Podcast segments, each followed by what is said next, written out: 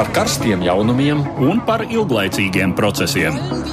par idejām, par cilvēkiem, par naudu, Un par laiku, par abām mūsu planētas puslodēm. un lietojot abas smadzeņu puslodes. Ēterā raidījums divas puslodes. Labdien, ierastajā laikā jums saka Edvards Liniņš un Aits Tamsons. Ir laiks atkal liknedēļas raidījumam divas puslodes, kad ceturtdienā šajā laikā diskutējam par to, kas aktuāls pasaulē. Donalds Trumps atjaunos sankcijas pret Irānu. Viņš paziņoja, ka ASV izstājas no piecu valstu kodolvienošanās ar Irānu, lai gan Eiropas partneri pūlējās to nepieļaut. Kādas tam varētu būt sekas un kāpēc gan Savienoto valstu prezidents tā rīkojas? Mēs raidījumā pieminēsim gan arī Krieviju, gan Armēniju. Armēnijas notikumiem mēs esam sekojuši līdzi no jau mēneša garumā. Tur opozīcija beidzot ir uzvarējusi un tās pārstāvis tagad ir premjers. Kas sagaida Armēniju tālāk? Savukārt Krievijā zvērst ceturto reizi jau prezidenta amatā nodevis Vladimirs Putins. Vakar bija Eiropas diena. Pirms 68 gadiem toreizējais Francijas ministrs Šumans presi iepazīstināja ar savu deklarāciju, kas lika pamatu pašreizējai Eiropas Savienībai.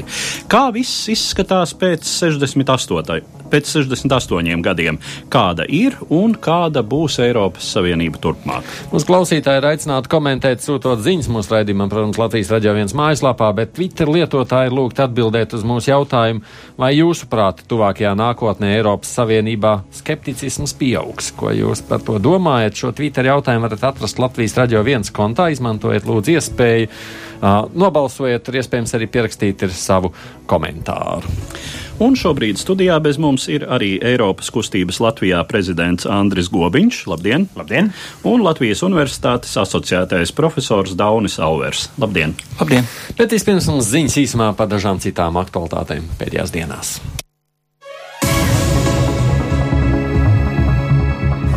Mēs pašā pirmajā raidījumā divas puslodes runājām par vēlēšanām Itālijā. Laiks iet, bet partijas līdz šim tā arī nav bijušas spējušas vienoties par valdības izveidi. Itālijas prezidents Sergio Matrella paziņoja, ka šodien uzticēs valdības veidošanu neitrālam premjerministram, ja vienošanās nebūs. Viņš jau grasījās to darīt vakar, taču politiķi lūdza 24 stundas papildus laika. Pirms apmēram stundas, ap pusdien diviem pēc Latvijas laika, divas lielās partijas paziņoja, ka progress beidzot esot noticis un ir cerības, ka viņi tomēr spēs sarunāt.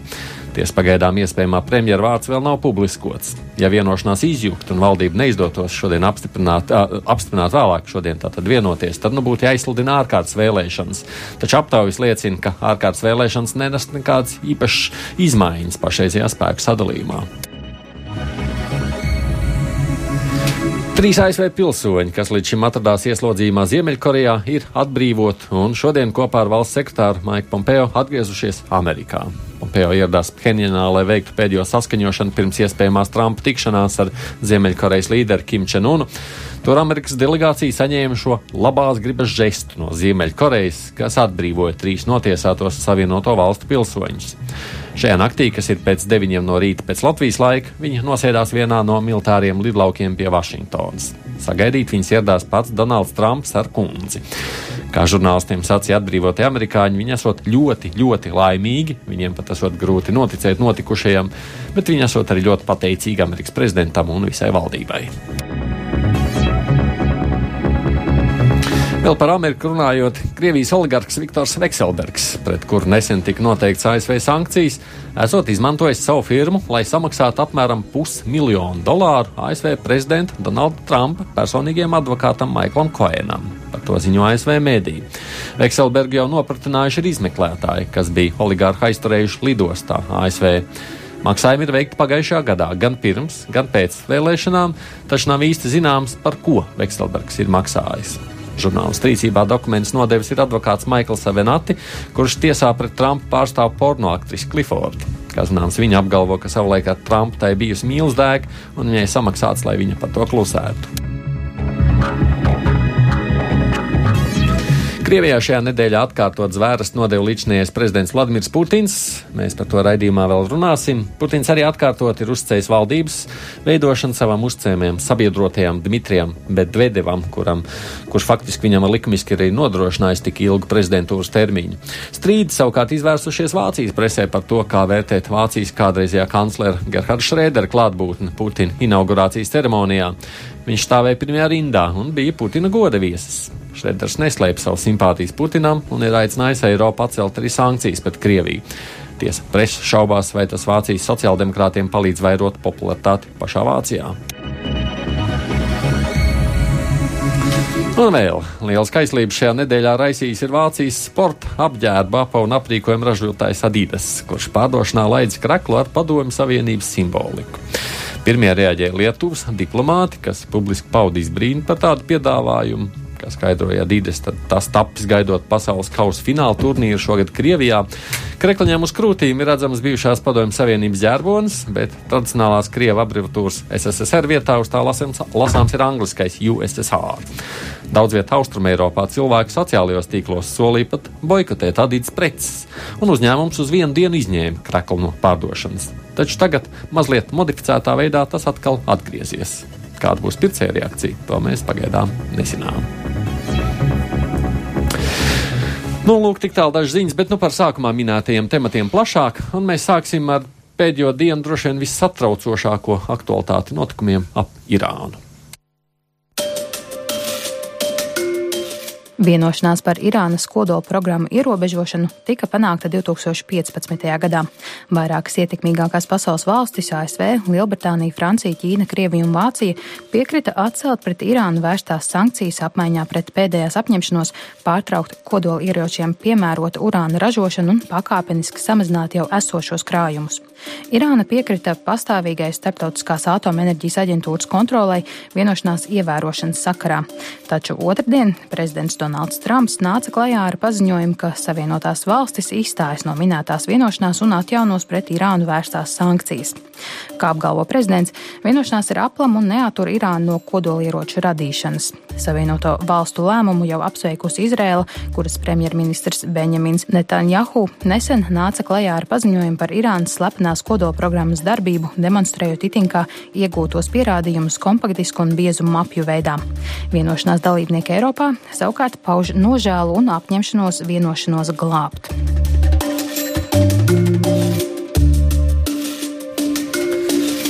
Es atgādinu, tātad kopā ar mums arī Andris Gobiņš un Dauns Auvers.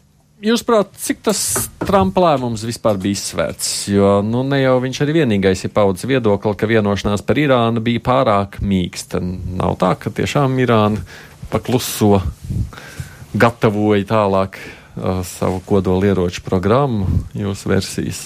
Nu, iespējams, ka jā, kaut gan ANO un citi inspektori, kas atrodas turpatās Irānā, apgalvo, ka nē. Bet, jebkurā gadījumā, um, šis Trumpa lēmums absolūti nav pārsteigums. Un es īsti nesaprotu, kāpēc uh, gan diplomāti, gan mēdīji pārsteigti par šito. Trumpu var kritizēt, var par viņu irgāties, bet viņš plus mīnus so, izpilda savus vēlēšanu solījumus. Viņš, soli, viņš solīja samazināt nodokļu likumus ASV, sevišķi uzņēmumiem. Ar to viņš ir izdarījis. Uh, viņš solīja uzbrukt lieliem uh, uzņēmumiem, kas nemaksā nodokļus Amerikā. Ar to viņš arī dara. Uh, viņš solīja risināt uh, Ziemeļkorejas jautājumu, ko viņš arī tā nu, daudz maz arī izpildīja. Viņš arī tagad to kā karogu vicina, ka Jā. viņš savu solījumu pilda. Bet, tā, bet, bet viņš to arī reāli dara. Un viens no viņa pamatsolījumiem vēlēšana kampaņā bija tas, ka viņš šo līgumu uh, atcels, uh, ka viņš to neatbalsta, uh, ka viņam tas nepatīk. Un, protams, tas arī ir kaut kas, kas ir saistīts ar viņu politisko kustību, kas ir uh, ne tikai uh, republikāņu partija, bet arī tā saucamā Party kustība, kas, ir, uh, nu, kas tur vēl ir palicis ASV. Viņš vienkārši sild, uh, pilda savus solījumus. Un mums varbūt arī jāatcerās, ka pēc uh, pusotra gada sāksies vēlēšana kampaņa atkal ASV. Tātad gadu pirms vēlēšanām Trumps atkal dosies uh, tautā, un tad, tagad viņam ir vēl viens papildus tāds stāsts par to, ka viņš ir izdarījis to, ko viņš ir solījis. Jautājums tikai, kas būs šo pusotra gadu laikā sanāks, vai nekāds būs tas rezultāts no šīs dienas? Nu, es pieņemu, ka gan Irāna, noteikti Izraela, bet arī Eiropas Savienība un Eiropas valsts bija gatavas uz šo lēmumu. Jo procentuāli es domāju, ka bija tā, nu, pat 90% droši, ka Trumps pieņem šādu lēmumu, un tā tad ir bijis vismaz pusotrs gads gatavoties Aha. uz, uz, uz šo gadījumu. Tā tad uh, es neticu, ka tas ir pārsteigums, un es nedomāju, ka pēkšņi notiks kaut kādas tādas ļoti nesagaidītas, uh, nestabilas lietas. Andri, ko tu domā par sekām? Eh, nu, sākotnēji drusku gribās iebilst tam, ko Daunis teica. Man liekas, ka, ja, ja skatās to, ko uh, Trumps visu ir solījis, ko viņš nav solījis, man liekas, būtu grūti atrast lietu, ko viņš nav kaut kādā brīdī izspļāvis kā ideju mm. un ko viņš nav solījis. Tur tā tad, man Nē, liekas, ir, es... kurā rīcībai būtu at, iespējams atrast kādu, es drusku, protams, pārspīlēju, bet varētu atrast kaut kādu atbilstību kaut kādam solījumam. Tu, Andri, tu runā kā Eiropas elitārās uh, Oi, pozīcijas pārstāvis. Būtībā Trumpam bija kādi 5 vai 6 solījumi solījumu, ko viņš regulāri atkārtoja, um, un tos viņš arī ir izpildījis. Tā kā viņš ir uzbūvējis mūri un, un citas visādas lietas. Labi, bet tas paliek uh, pie, pie kā citas sarunas tematika. Katrā ziņā, manuprāt, viņš ir solījis ļoti daudz un viskaut ko. Man liekas, tas interesantākais pie Irānas īstenībā ir divi aspekti. Pirmais ir tas, ko tas nozīmē tādai starptautiskai politikai, tai pašai Ziemeļkorejas uh, kontekstā, piemēram.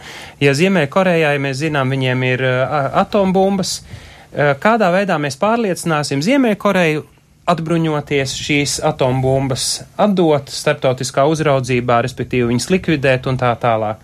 Tur ir vajadzīgs kaut kādas veidas starptautisks ietvars, kaut kādi ticami, pārliecinoši solījumi. Un, ja mēs skatāmies uz to, cik noturīgi šobrīd šāda veida starptautiskie solījumi garantijas ir, piemēram, ja pretīm Irānai, mums var patikt vai nepatikt attiecīgais Irānas līgums, bet mums jāredz arī lielākais, plašākais konteksts. Reāli tas nozīmē, ka nu, ja, ir jābūt diezgan dīvainam tam pašam Ziemeļkorejas uh, autoritāram, totalitāram līderim, lai atteiktos no atomu mums šādā situācijā, ja nevar paļauties uz konkrētu dotu solījumu, eh, līgumu, kas ir parakstīts, jo nāks nākamais Amerikas prezidents vai Trumpam atkal vējš iepūtīs no kaut kādas citas puses un atkal domas mainīsies. Kam dēļ viņam atteikties no atombumbām? Eh, līdzīga situācija mums bija iepriekš ar lielo kaimiņu lāci Krieviju kas bija devusi eh, garantijas Ukrainai. Ukraina paņem, uh, Ukraina atsakās no savām uh, atombumbām, kas bija te, no Ukrainas teritorijā dislocētas toreiz, un pretī saņēma it kā šīs starptautiskās garantijas. Atkal jautājums ir, cik mēs esam ticami gan kā rietumi, gan kā Krievija. Nu, Krievija sevi pilnībā diskreditējusi. Es ļoti ceru, ka Amerika neies šo pašu ceļu un nu, ne, nesadomās vēl nākamos līgumus laust. Šī līguma laušanas pamatojuma Eh, daudzums ir tāds diezgan nepārliecinoši, ja var maigi izteikties, jo, ja skatāmies patiešām starptautiskos uzraugus, nu, tad tur ir vairāk tā, nu, Trumpam iespējams eh, pirmsvēlēšana laikā šis eh, likās interesanti ideja, nu, viņš viņu īsteno. Vai tam ir ar faktiem saistības vai ar alternatīviem faktiem, nefaktiem, ej, nu, sazina kādām lietām, ja, to lai spriež citi, bet laikam, nu, tomēr tie, tie īstie fakti šobrīd vismaz šķiet, ka nav. Man liekas, Trumps solīja arī, ka nav sadarbojies ar Kremļa troļļiem, bet faktiski pat viņa radinieki pināšu un čekistiem citiem apšaubāmiem. Edvard, ko tu saki? Nu, man laikam īsti pat nav ko piebilst, izņemot to, ka tiešām šāda uh, izstāšanās no tik nozīmīgas starptautiskas vienošanās, kur visas iesaistītās puses ir ar ļoti lielu svaru starptautiskajā politikā un ir uh, vairums no tām arī regulāri savienoto valstu partneri un, kā mēs teikt, strateģiskie partneri, būtiskākie partneri, ja mēs domājam, piemēram, Lielbritāniju, Franciju, arī Vāciju, tad, protams, nu, tas, ir, tas ir riskants un, un arī tāds solis, kas vēlreiz liek runāt par to, cik prognozējama ir prezidenta Trumpa rīcība. Nu, Daunis teica, ka jā, ir, eh, viņš ir to solījis un viņš to tagad pilda. Nu, tādā ziņā eh, viņš izrādās visnotaļ prognozējams, bet eh, cik šis solis ir pārdomāts, jo vēl jau vairāk patiešām gan apvienoto nāciju un šīs starptautiskās kodola enerģijas aģentūras mm, inspektori, kas ir tātad tiešie kontrolētāji, gan arī uh, nu, es lasīju viedokļus no tā skaitā Savienoto valstu un arī Izrēlas izlūkdienestu, gan šķiet ne šobrīd esošiem, bet uh, bijušajiem virsniekiem par to, ka Nu, Irāna tomēr ievērojot šo kodolu vienošanos. Un arī jautājums ir par to, nu, cik tad reāli novērtējot ir bīstama, cik liela tad ir šī Irānai potenciāli esošā kapacitāte nu, uzbūvēt, tikt pie tās atombumbas. Uh, nu, šķiet, ka uh, jā, kaut ko viņi varbūt varētu uzražot tur uh, kādu, kādā termiņā, ja viņi pie tā tagad ķertos ar pilnu jaudu, lai gan cik var noprast no Irānas valdības izteikumiem, tad nu, viņi negrasās savukārt tūlīt paši izstāties un pārtraukt. Nu, un tā tad sākt atkal uz pilnu jaudu bagātināt urānu, ko viņi domājams tomēr. Man par tām sekām visvairāk interesē, jo es jo gribu saprast, tas, tas ir. jā, mēs kas izklausās it kā salīdzinoši teorētiski, ka mēs runājam par starptautiskām sankcijām, kuras tagad, piemēram, Trumps prasa, viņš ir izstājies no līguma, ko tas konkrēti nozīmē Latvijai un citām Eiropas valstīm. Nu, un vispār, te kļūst patiešām ļoti interesanti. Skatāmies, piemēram, eh, ja es nemaldos, tas bija vakar vai aizvakar, krietni liels skandāls Vācijā mm, bija saistībā ar šo Trumpa uh, deklarāciju, jo Trumpa uh, deleģētais Vācijas vēstnieks, tātad Amerikas Savienotais uh, tā valstu vēstnieks Vācijā, bija piedraudējis vispār kaut kas ārkārtējs, kas vispār īstā dzīvē tikpat kā nenotiek, piedraudējis Vācijas uzņēmumiem, lai tūlīt pārtrauc jebkāda veida uh, biznesa darījumus, ekonomiskas saiknes ar Irānu. Pretējā gadījumā visām tām firmām, kam vienlaikus ir kaut kāda veida līgums saistīts ar Ameriku, tam būs ļoti nopietnas sakas. Tā tad mēs redzam, it kā no vienas puses, nu, labi, Trumps tur var runāt vienu, otru, trešo lietu, bet ša, šīm viņa konkrētām pasākumu daudzumam, kas eh, kādā veidā viņš redz šīs eh, sankcijas, var būt ļoti tieši un visti, visticamāk būs ļoti tieši uh, ietekme uz daudziem Eiropas uzņēmumiem. Man liekas, Latvija nav ļoti aktīvi Irānā, bet nu, mazums arī tur ir kāds vai konsultants vai kas, kas, kas, kas darbojās. Un nu, tam var būt tātad ļoti tieši ietekme. Un te ir interesantais, ko darīs Eiropa. Jo šādā veidā, tādā gandrīz vai šantažiskā veidā, bez, bez patiešām pārliecinošiem faktiem, bez šī starptautiskā fona, zinot vēl visus tos kaitnis, kaitniecisko potenciālu, kas ir šādam lēmumam, būs ļoti interesanti skatīties, ko Eiropa dara. Tur šobrīd vēl ļoti skaidri tas nav iezīmējies. Man jau arī, protams, joprojām ir jautājums, ko darīs Irāna. Tas arī ir jautājums, kas dzird šobrīd arī Latvijas ārpolitikas institūta pētniece Sintīja Broka. Sintīja, halo! Jā, sveiki. Sveicināt! Jūsuprāt, tas sekas iespējamās, kas tālāk notiks pēc šī paziņojuma jeb lēmuma? Mm, tieši no Irānas puses raugoties. Nu, sāksim vispirms no Irānas puses skatoties. Ja, nu, no Irānas puses jau man šķiet tā būtu viena no tādām uh, kārtējām uzvarām Putina kungam noteikti, jo Irāna jau, manuprāt, caur šo te kodola vienošanās laušanu tiek sodīta par uh, savu atbalstu Asāda režīmam, par savu sadarbību ar Krieviju, par savu iesaisti Jemenā un citos konfliktos, kas norisinās uh, reģionā. Tas galīgi nepavisam nav par uh, kodola, kodola programmas ne, neievērošanu. Jūs tā sakāt, ka tas ir, tas ir par šo? Nu, nu visdrīzāk tas tā izskatās, jo visi novērotāji ir apstiprinājuši, ka Irāna ir visu laiku uh, izpildījusi visas, visas norādes un visas ierobežojumus, visas, visas, visas ražošanas centrafūgas un bagātinātā urāna daudzumu iegūšana ir pavisam fizikāli uh, neiespējami uzražot atombumbu. Un vēl jau vairāk ņemot vērā Izraēlas nostāju Izraēlas valstu līderu neviltoto prieku par uh, Trumpa kunga paziņojumu kas ir lielākais ienaidnieks Irānai reģionā. Nu, tas, tas tomēr vēl tādas paralēlas, ka uh, tas ir tas veids, tas ir tas instruments, kā uh, tagad Trumps cenšas sodīt Irānu par viņas uh, rīcībām un, un, un, un, un, un, un iesaisti. Bet ko tas nozīmē arī no tādas stabilitātes viedokļa, tur lūkojoties, nu jau otro nakti šīs bumbošanas kaut vai no Izraēlas puses uz uh, Sīrijas teritoriju un uz Irānas objektiem? Kā tas viss var Nu, tas- tas attīstīties? To, nu, jā, nu, tas, tas attīstās tādā ziņā, ka, eh, ja tiešām šī mugura no Trumpa puses tiek pagri- pagriezta un Irāna tiešām ļoti sadusmojās, tad tur būs ļoti, tiek prognozēta ļoti cieša sadarbība tiešām ar Krieviju. Un tas savukārt vēl jau vairāk destabilizē Eiropas Savienību. Neskatoties uz to, ka Trumpa lēmums pats par sevi arī kaut vai tikai no sankciju viedokļa pret uh, Irānu destabilizē Eiropas Savienības valsts uzņēmumus, tad plus vēl Krievijas iesaist šajā visā mm, to destabilizēs vēl vairāk, jo tas noteikti Krievijai dos eh, instrumentus, kā, kā, eh, kā rīkoties un kā ietekmēt un paplašināt savu ietekmi Eiropā un plašākā reģionā. Un Eiropas tā reakcija, tālākais, nu ko Eiropa? Nu, ir jāsagaida noteikti Eiropas valstu līderu tikšanās ar Irānu, kas laikam paredzēta tuvākajā laikā ir, un tad mēs varam redzēt, kāda tur būs secinājuma, kas tiks nolemts, bet ļoti būtiski ir, protams, arī Amerikas Savienoto valstu reakcija uz šiem te secinājumiem. Bet tas, man liekas, arī ļoti būtiski atzīmēt, ka, ja es saprotu visu pareizi, tad vēl joprojām kongress ar šo Trumpa lēmumu strādā, un, un, un tas gala lēmums no kongresa puses nav dots, un tur vēl ir pāris pāris desmit dienām vismaz jāpaiet, kamēr viņi sniegs savu, savu viedokli.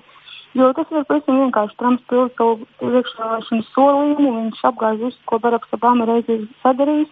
Un pat tad, ja Irāna atgriezīsies pie uh, kodola kodola programmas un uh, tā, tās izmantošanas, izmantošanas tieši uh, atomieroču ražošanā, tas ir uh, vairāku gadu jautājums. Un Trumps visdrīzāk tajā brīdī, kad tas notiks, vairs neieņems prezidenta krēslu. Uh, Un viņu maz uztrauks tas, kā pasaule cīnīsies ar šo Irānu un, un, un to pašu iepriekš pieminēto Ziemeļkorejas jautājumu. Trumps šobrīd dzīvo šodienai un pilda to, ko viņš ir solījis e, saviem tautiešiem un pasaulē. Ne, neizskatās, ka viņi ļoti tiešām satrauks tādu ilgtermiņa stratēģijas izstrādi, kā sadarboties, kā socializēt starptautiskā līmenī šīs valstis, kuras šajā gadījumā pašas grib būt socializētas, viņas negrib būt atstumtas tieši šīs, šīs programmas ietvaros. Mēs mm -hmm. runājam par Irānu. Paldies, Sintī. Sintī Brokas ir ārpolitikas pētniece. Nu, tāds ja Bēdīgi paliek ja klausoties, vienu, vai ne? Vienu noslēdzošo teikumu no savas puses. Nevajag man, noslēgt vēl dažas minūtes. Jo man liekas, ka, ka, ka būtiski ir uzsvērt, ka Irānas kopējās situācijas vērtēšanā nebūtu nav tik liela sašķeltība. Eiropas Savienībā arī vēl pirms divām nedēļām ļoti skaidri runāja par papildu sankciju ieviešanu pret Irānu, tā izskaitā visu veidu destruktīvos teori, teroristisko un līdzīgo darbību uh, kontekstā, kas, ko šī patiešām arī totalitārā valsts un, un tās vadība īsteno. Uh, nebūtu nav tā, ka Irāna būtu Baltie eņģelīši, nu, pūkaini un forši, un, un tur arī Eiropa un Amerikas Savienības, uh, Savienotās valsts šo situāciju kopumā lī, ļoti līdzīgi vērtē. Tomēr te mēs runājam par konkrētu šo, šo līgumu, kurš ir pārkāpts, un nu, tur ir no Eiropas Savienības diezgan skaidrs tāds nosodījums, neizpratni par to, kāpēc tas tiek darīts, jo tas ir visticamāk turidzīgs. Bet, ja tomēr drīkst vēl saprast to tīri praktisko nozīmi, ko nozīmē, ja ASV nosaka sankcijas, bet visa pārējā pasaule nē. Kā tas praktiski tajā stāstā darbojas? Visai jo Krievijā mēs redzam pasaulē. starp Eiropu un Ameriku tomēr bija vienošanās par sankcijām, kurās viņi panāca. Irānas gadījums tad būtu tāds ops jaunums.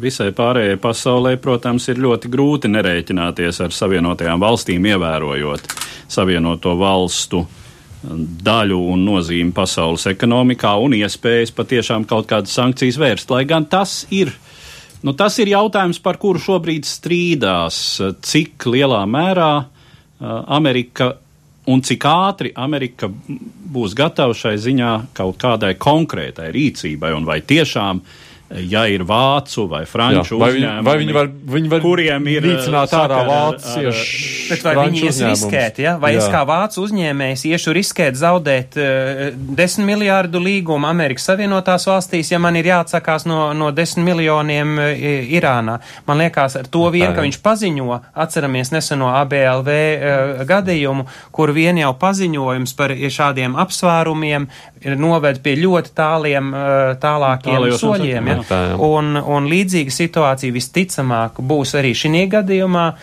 Labi, nu, tie varbūt tās nav tik milzīgi zaudējumi, kas ir Eiropas saimnības uzņēmumiem, bet, teiksim, kā precedents kā tāds, Viņš ir ļoti interesants un, un, un svarīgi savā ziņā Eiropas Savienībai patiešām kļūt pašapzinīgākai, skaidrākai, labāk savā starpā koordinēties, lai tanī brīdī, kur patiešām ir klaji pretēji starptautiskām interesēm, tā skaitām Eiropas eh, interesēm līdzīgas situācijas nākotnē, nu, lai tur nebūtu tādā tikai vairs Amerikas atkarībā, kur, man liekas, eh, arī tas ir savā ziņā tas, ko visu laiku Amerikas Savienotās valstis ir prasījuši, lai Eiropas Savienība kļūtu pašapzinīgāk, atbildīgāk par to, kas notiek. Nu, gan es grasos noslēgt šo tematu, ir vēl ko piebilst. Es tikai gribēju pateikt, ka, ka ilgtermiņā vai pat vidējā termiņā Eiropas uzņēmumi pakļausies amerikāņu interesēs. Mums jāatcerās, ka lielākā daļa ārvalstu tiešās investīcijas no Eiropas valstīm plūst nevis uz Ķīnu, nemaz nerunājot par tuviem austrumiem, bet uz ASV.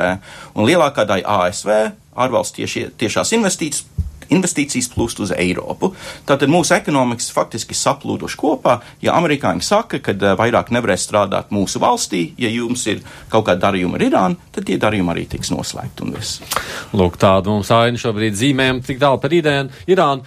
Nu, protams, sekosim tālāk arī šim notikumiem, bet ejam uz nākošajām valstīm. Tagad krietni tuvāk Latvijai. Kopš pāris dienām Armēnijai ir jauns premjerministrs. Bijušais opozicionārs Nikols Pašiņjans ieņēma šo amatu pēc tam, kad ilgstoši un arvien pieaugošu masu protestu piespiedu piekāpties valsts parlamentu.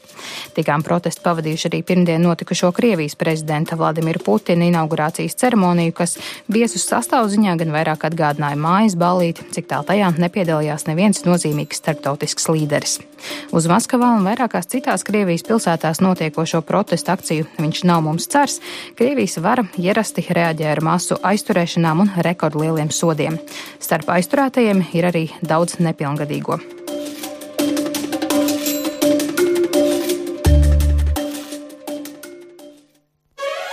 Divas puslodes.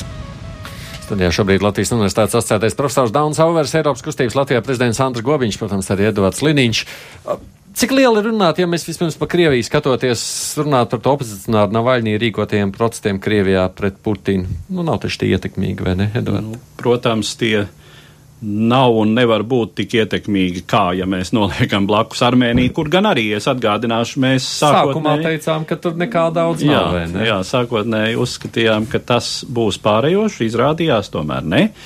Um, tautas gribai un tās izpaudumam izrādījās pietiekami liels svars, lai mainītu parlamenta nostāju, kurš savā sastāvā jau nav mainījies. Tur joprojām jā, jā. dominē tas pats spēks, kas uh, atbalstīja sākotnēji uh, Tātad uh, premjerministru Sargsjānu. Mazliet tas atgādina Ukrainu, tad, kad tur notika tā Maidana. Tur jau arī nomainījās. Nē, nu, tas, viss, tas viss ļoti atgādina Ukrainu, tas atgādina notikumus daudz viet citur, un tas ir jautājums, vai šo arī ierakstīs postpadomju telpas krāsaino revolūciju sarakstā. Uh, un uh, attiecīgi jautājums līdz ar to ir, un bažas bija par to, kā tad uz to reaģēs Krievija. Bet, atgriežoties pie tava jautājuma, protams, tas, ko šobrīd var pulcēt eh, tas protestu līmenis, kādu šobrīd spēja pulcēt Krievijas opozīcija, nu, netuvu nevar uz vispārējā šīs valsts fona kaut ko nozīmīgi ietekmēt. Eh,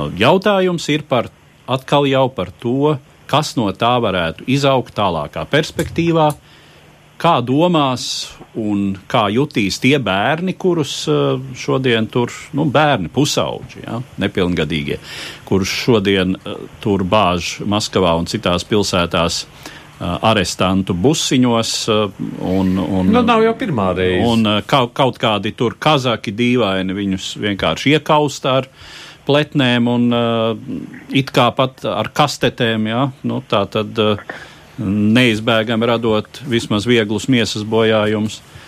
Um, un pie kam, kas tad viņi tādi ir šie kazaki? Jā. Nu jā, bet par Krieviju runājot, ir tur jāiet par to vispār pieminēt, vai tā ir tāda, nu labi. Putins tur dzīvo savu dzīvi, lai dzīvo apmēram tā. Nu, man liekas, ka ņemot vērā to, ka Krievija ir mūsu kaimiņu valsts un tur ir ļoti daudz cilvēku, kas ļoti smagi cieš zem šī patiešām atkal autoritārā un jau gandrīz vai gribētu tos teikt vēl, vēl citāda veida režīma. No, ar totalitārismu pazīmē. Mēs noteikti nevaram uh, ignorēt to, kas notiek. Man ļoti rūp tas, kas notiek Krievijā. Es ļoti ceru, ka drīz vien Krievija būs brīva un, viņiem pat, viņ, arī viņiem patīk Putins, to tu labi zini. Vai tas tā ir? Atkal atkal, atkal kā visi starptautiskie analītiķi saka, vai ļoti liels skaits analītiķu saka, ir kādā veidā ir pamatojama tik pārmērīga reakcija un bailes. Kāpēc, ne, ja viņš būtu patiešām spēcīgs prezidents, vai, vai tad viņam būtu grūti pielaist Navaļnī, piemēram, vēlēšanās, lai viņš var godīgi kandidēt un izgāzties vēlēšanās, ja viņš patiešām būtu izgāzies? Kur ir tās bailes, kas uh, Putinam slēpjas? Viņš nebūtu nav tik drošs. Nu, bet varbūt pozīcijām. ir vajadzīga tā stingrā roka, jo paskaties, nu, kā palaiž vaļā Armēnijā mazliet, un viss. Nē, nu, jā, jā, jā, tieši ja mēs redzam par to, cik tas Krievijas prezidents ir populārs, cik viņš pats vērtē par, nu, tas ir vismaz viena diezgan plaši pārstāvēta tā, tā analītiķu tas viedoklis ir. Ja viņš būtu patiešām spēcīgs, populārs, mīlēts, uh, dievināts vēl tur, tā, nu, viņam nebūtu nekāda vajadzība apklapēt brutāli izsakoties pašam savus iedzīvotājus. Tā viņš Alver kungam ļadīgst.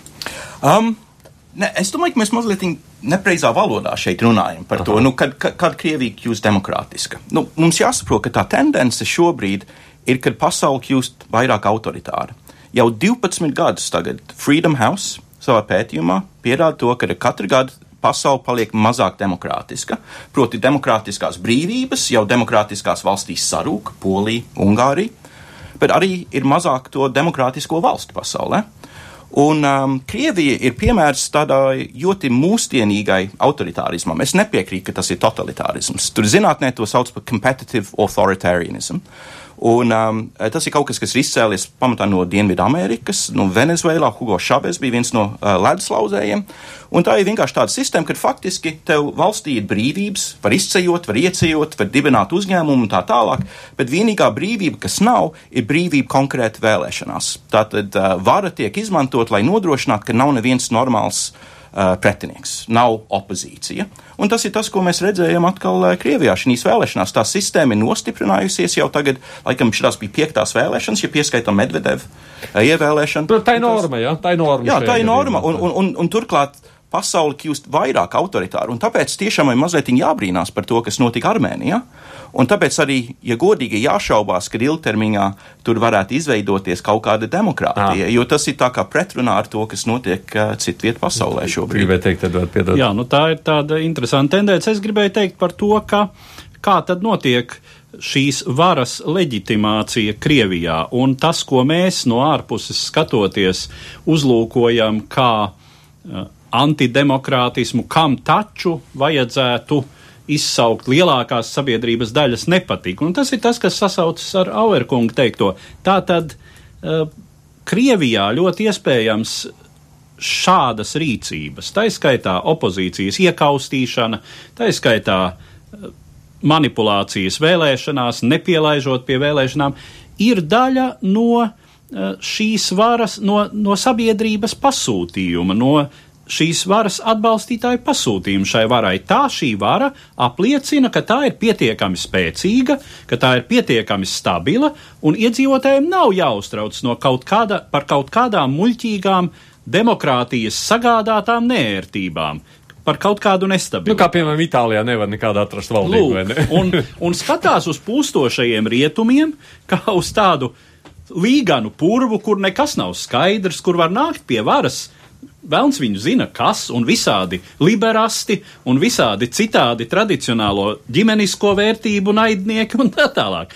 Un uh, tas ir jāsaprot un, un jārēķinās ar šādām tendencēm, kā redzam arī iekšpus Eiropas Savienībā, jo tādi elementi un, un sasaukšanās jau tiešām notiek arī ar Ungāriju, arī ar Poliju, kas gan jā, jāuzsver, nu vēl ir tālu, protams, no tāda nedemokrātiskuma, kāds tas ir Krievijā vai Baltkrievijā. Mēs esam šobrīd sazvanījuši savukārt kino režisoru Raiku Karpķanu, kurš ir dzimis Armēnijā. Labdien, Karpķan kungs!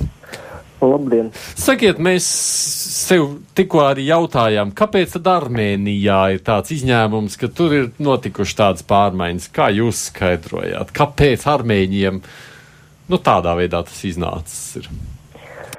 Es domāju, tāpēc, ka ir parādījies ļoti konkrēts uh, līderis, uh, cilvēks, kurš gandrīz visu savu mūžu gatavojas uh, šitiem notikumiem. Un uh, viņš ir ļoti labi sagatavots. Uh, tādā ziņā, ka viņam ir programma, viņš uz jebkuru jautājumu viņam ir atbild. Un uh, viņš ir deklarējis ļoti mm, precīzi idejas, ko viņš vēlēs. Un līdz ar to es domāju, ka tas, uh, tas uh, ļoti piesaistīja tautu. Un uh, otra lieta bija tāda, ka viņš būdams deputāts, viņš no, uh, no vienas pilsētas, kas ir otrā lielākā pilsēta Armēnijā, kas ir Gimri, kurā esmu dzimis, viņš ar kājām ar dažiem sabiedrotiem aizgāja līdz Ervānai uz protestu. Un pa ceļām savācās diezgan liels pūlis, kamēr viņš tika līdz Ervānai. Un tā, tas, tā distance no starp divām pilsētām ir kaut aptuveni. Nu, kilometros nepateikšu precīzi, bet pusotra stunda ar mašīnu. Tā kā ar kājām tas varētu būt varbūt bišķiņš, teiksim tā vairāk. Un līdz ar to viņš vairākas dienas gāja un tur, uh, gandrīz, kad viņš bija ticis līdz Ervānai, bija diezgan liels sabiedroti cilvēki, kuri arī pievienojas viņam no protestā. Un, Bet tad tas nav stāsts par demokrātiju, tas ir stāsts par to, ka apnika vecais līderis un grib jaunu. Uh, viņam tā programma, ko viņš ir deklarējis, diezgan, uh, viņa ir īstenībā liberāla. Viņš kā par sievieti, viņš grib piesaistīt vairāk sievietes pie vārds. Vispār arī ne tikai pie vārds, bet jebkurās institūcijās. Un viņa tā, tā programma nav tik ļoti raksturīga priekš tā reģiona, tā ziņā, ka viņa ļoti tāda free mind un ļoti tāda liberāla. Bet tajā pašā laikā, protams, tas viss ir balstīts uz nacionālām interesēm. Es domāju, ka šeit pat neiet runa par demogrāfiju. Viņš pat citu ir ļoti. Uh, Tas, tā, tas drīzāk bija tā revolūcija pret korupciju. Tā, tā, tā cilvēkam tā bija apnik, apnikusi tā korupcija, ka viņa palika, principā, kļuva gandrīz legāli, ka uh, vienkārši parādījās kaut viena paudze, kur neko citu nebija redzējis. Nu, tādā ziņā, ka viņi tie, tie kur piedzima, piemēram, 99. vai 2002. gadā, uh, tāpat kā arī Krievijā, tā kā tāda vesela paudze, kuriem nav uh, ko citu salīdzināt, jo viņi ir redzējuši tikai vienu kādu varu sistēmu, un pateicoties kādam internetam un ļoti uh, viegli dabūjām kaut kādu informāciju, viņam ir ar ko salīdzināt. Un līdz ar to es domāju, ka tas, tā paudze arī uh, diezgan liela ietekme atstāja tajos notikumos, un, protams, tas arī, es domāju, ka atstās arī Krievijā tuvākā nākotnē. Mm. Paldies, saka Aiks Karapetjāns, kurš ir kino režisors. Nu, viņš noslēdz atkal to pārēju atpakaļ uz Krieviju, ka tas kaut kad parādīsies arī Krievijā. Kā jums šķiet, par ko mēs vairāk nākotnē runāsim par Armēniju vai par Krieviju? tas nu, diez vai ir loģisks jautājums.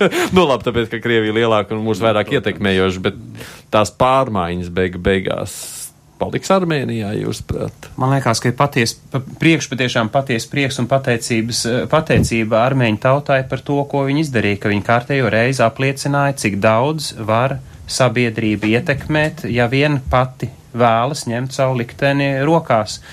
Un eh, no vien, otras puses viņš īstenībā ir tāds kā modinājums zvans mums arī Latvijā neiemikt. Jo, ja mēs skatāmies līdzīgās situācijas, kā tad iepriekšējais šis neīpaši, eh, nu, uh, baltais, tīrais pūkainais, atkal šī terminoloģija jāiz, jāizmanto.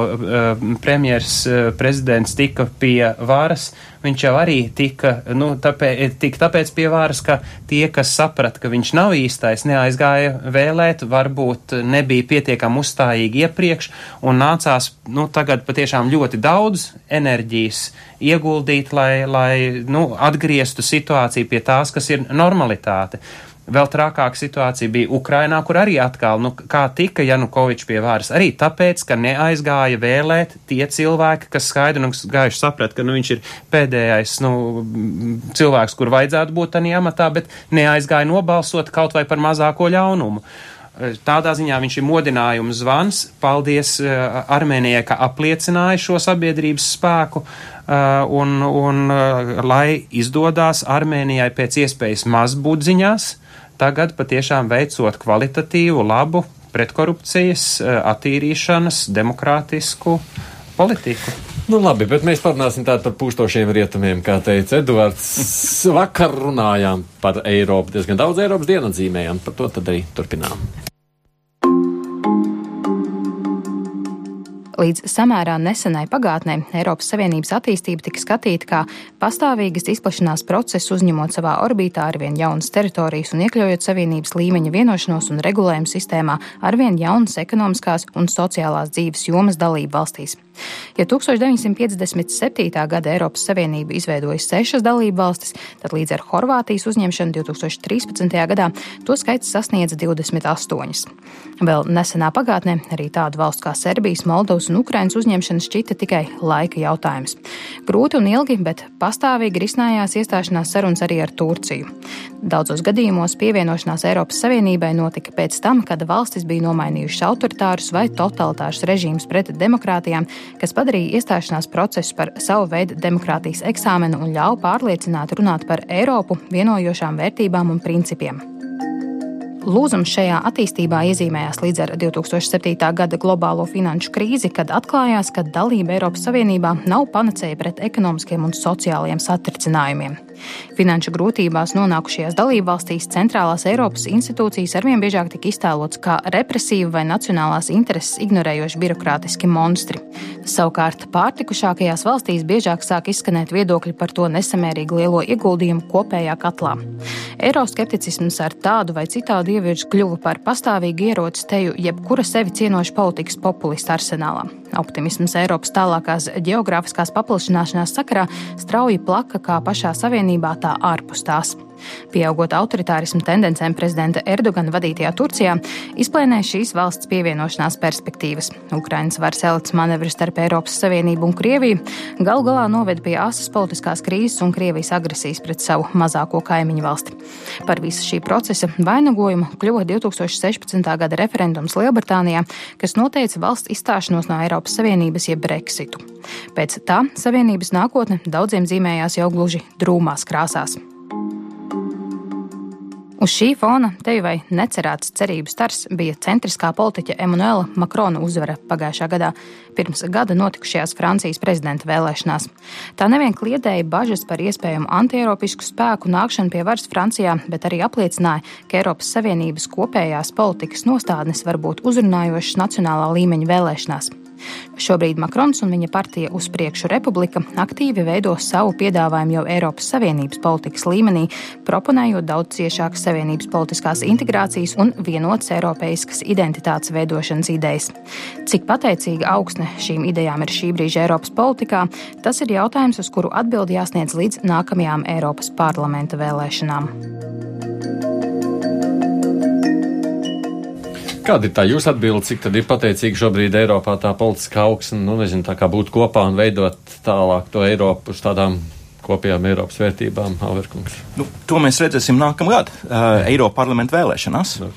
jo um, aptaujas laikam liecina par to, ka šobrīd eiroskepse sarūk. Um, tad pēc krīzes tur auga, bet tad pēdējos gados sarūk. Uh, Arī jāatcerās, ka eh, pēdējās Eiropas parlamenta vēlēšanās bija rekordliels balsojums Eiroskepsis partijām. Tad gandrīz eh, katrs ceturtais deputāts Eiropas parlamentā pārstāv eiroskeptisku spēku. Ir uh, trīs no astoņām uh, partiju grupām, tātad nu, frakcijām, uh, Eiropas parlamentā pārstāv eiroskeptiskas idejas. Tātad nu, redzēsim, kā izskatās pēc nākamām Eiropas parlamenta vēlēšanām.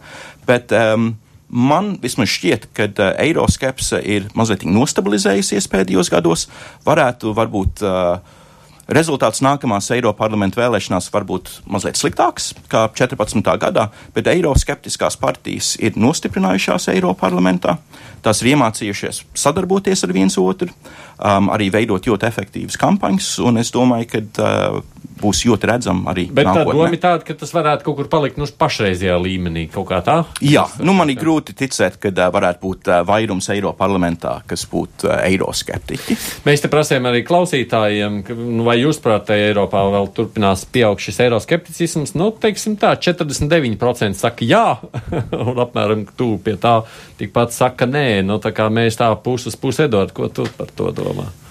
Nu, turpinot, eh, turpinot iepriekš teikto, tā tad eh, eiroskepticisma līmenis ir eh, apstājies pie kaut kādas atzīmes un drīzāk sarūk, un tas ir arī saprotams, cik tālu krīzes sekas daudz maz ir pārvarētas.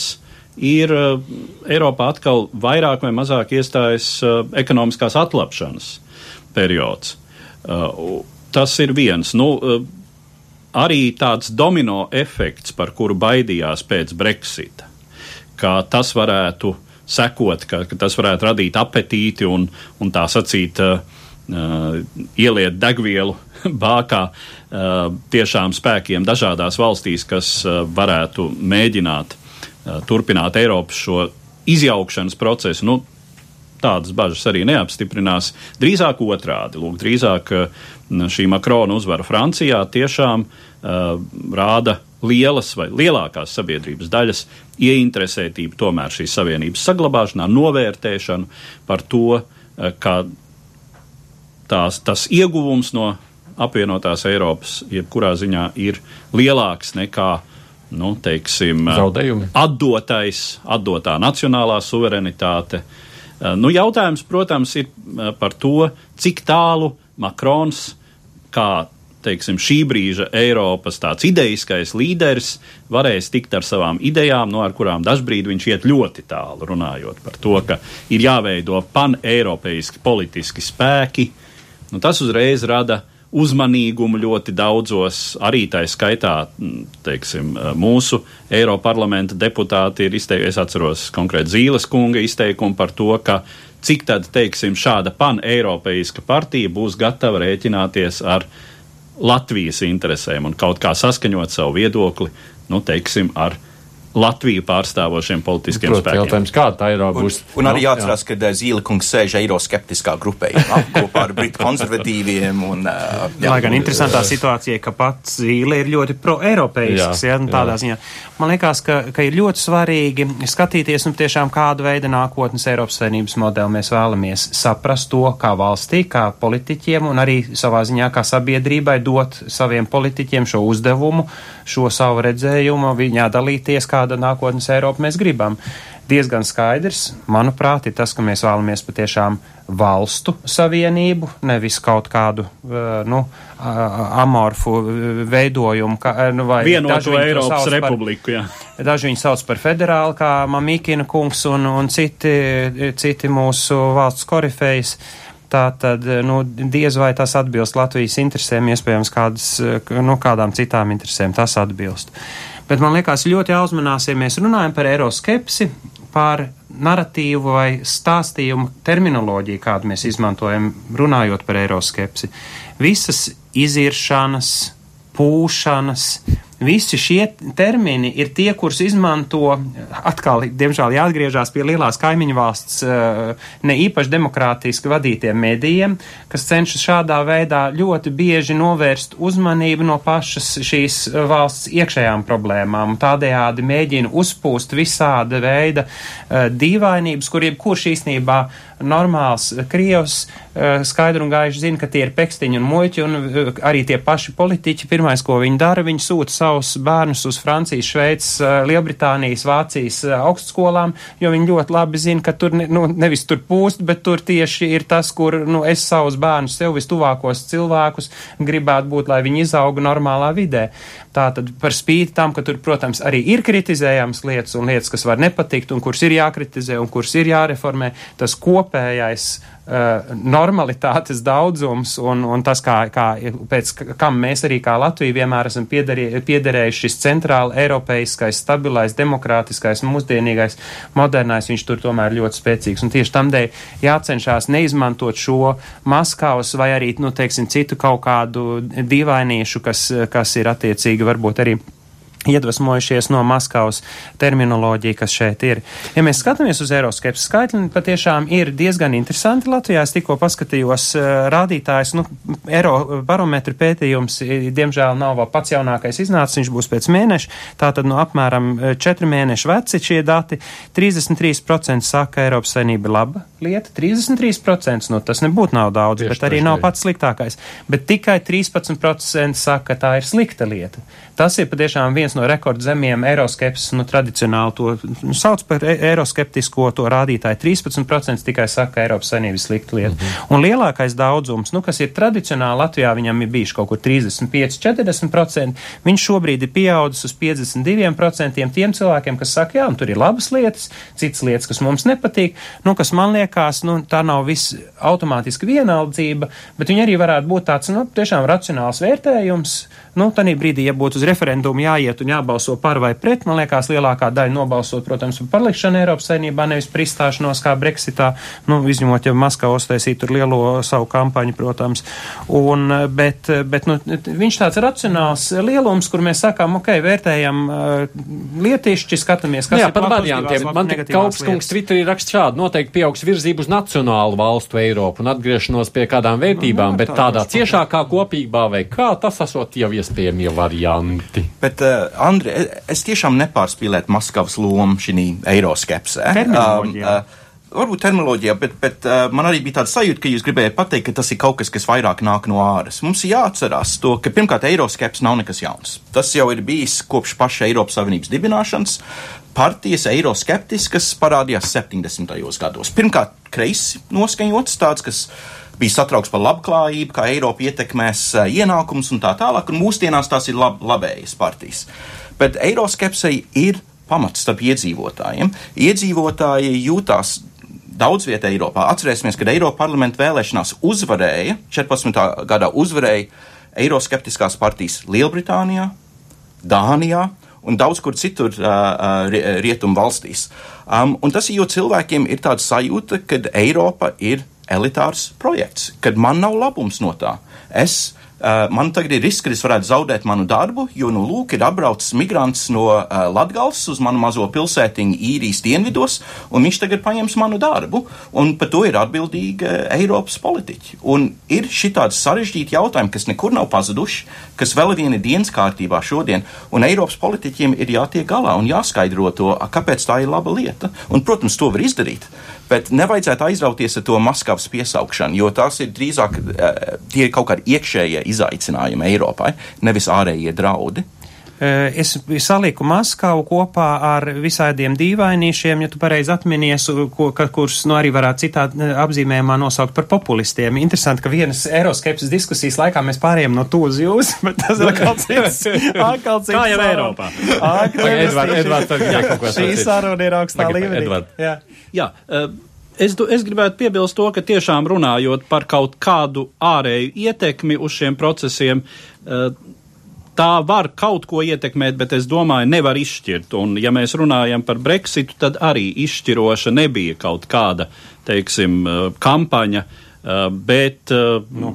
tas, par ko mēs runājam Lielbritānijas gadījumā, ir tiešām senas Eh, atstumšanās tradīcijas no kontinenta, savas saurupības, savas īpatnības apziņa, kas bija tam visam pamatā. Bez tā arī Brexits nebūtu noticis. Brexits ir vairāk vēsturisku iemeslu nekā kaut kādas šodienas aktualitātes noteikts. Nu, tā katrā ziņā man apgalvoja arī tā skaitā viens uh, britu deputāts, ar kuru es tikos pagājušā nedēļā Eiropas parlamentā. Es jau labprāt jums ļautu runāt, bet tas būs tikai tad, kad mikrofons būs izslēgts. Tāpēc, ka es jums saku paldies, ka esat apnākuši, jo stunda ir paskrējusi. Un, protams, mēs jau vēl gaidot Eiropas parlamenta vēlēšanas noteikti par Eiropu runāsim. Tas ir skaidrs, tas arī mūsu uzmanības lokā šeit būs. Es jums saku paldies. Latvijas Universitātes asociētais profesors Dauns Halvers bija šeit studijā un Eiropas kustības Latvijā prezidents Andris Gobiņš. Paldies, paldies jums paldies. arī, protams. Neapšaubāmi, kā vienmēr mēs arī pārējā komanda Ieva Valēna, kas ir mūsu producenti, un Edvards Liniņš arī šeit studijā, protams. Studijā bija arī es, Aits Tomsons. Mēs tādu sakām, tiksimies atkal nākamajā reizē, lūkosim, kas tad notiek abās šīs zemes puslodēs, un tātad līdz nākamajai reizei. Divas puslodes.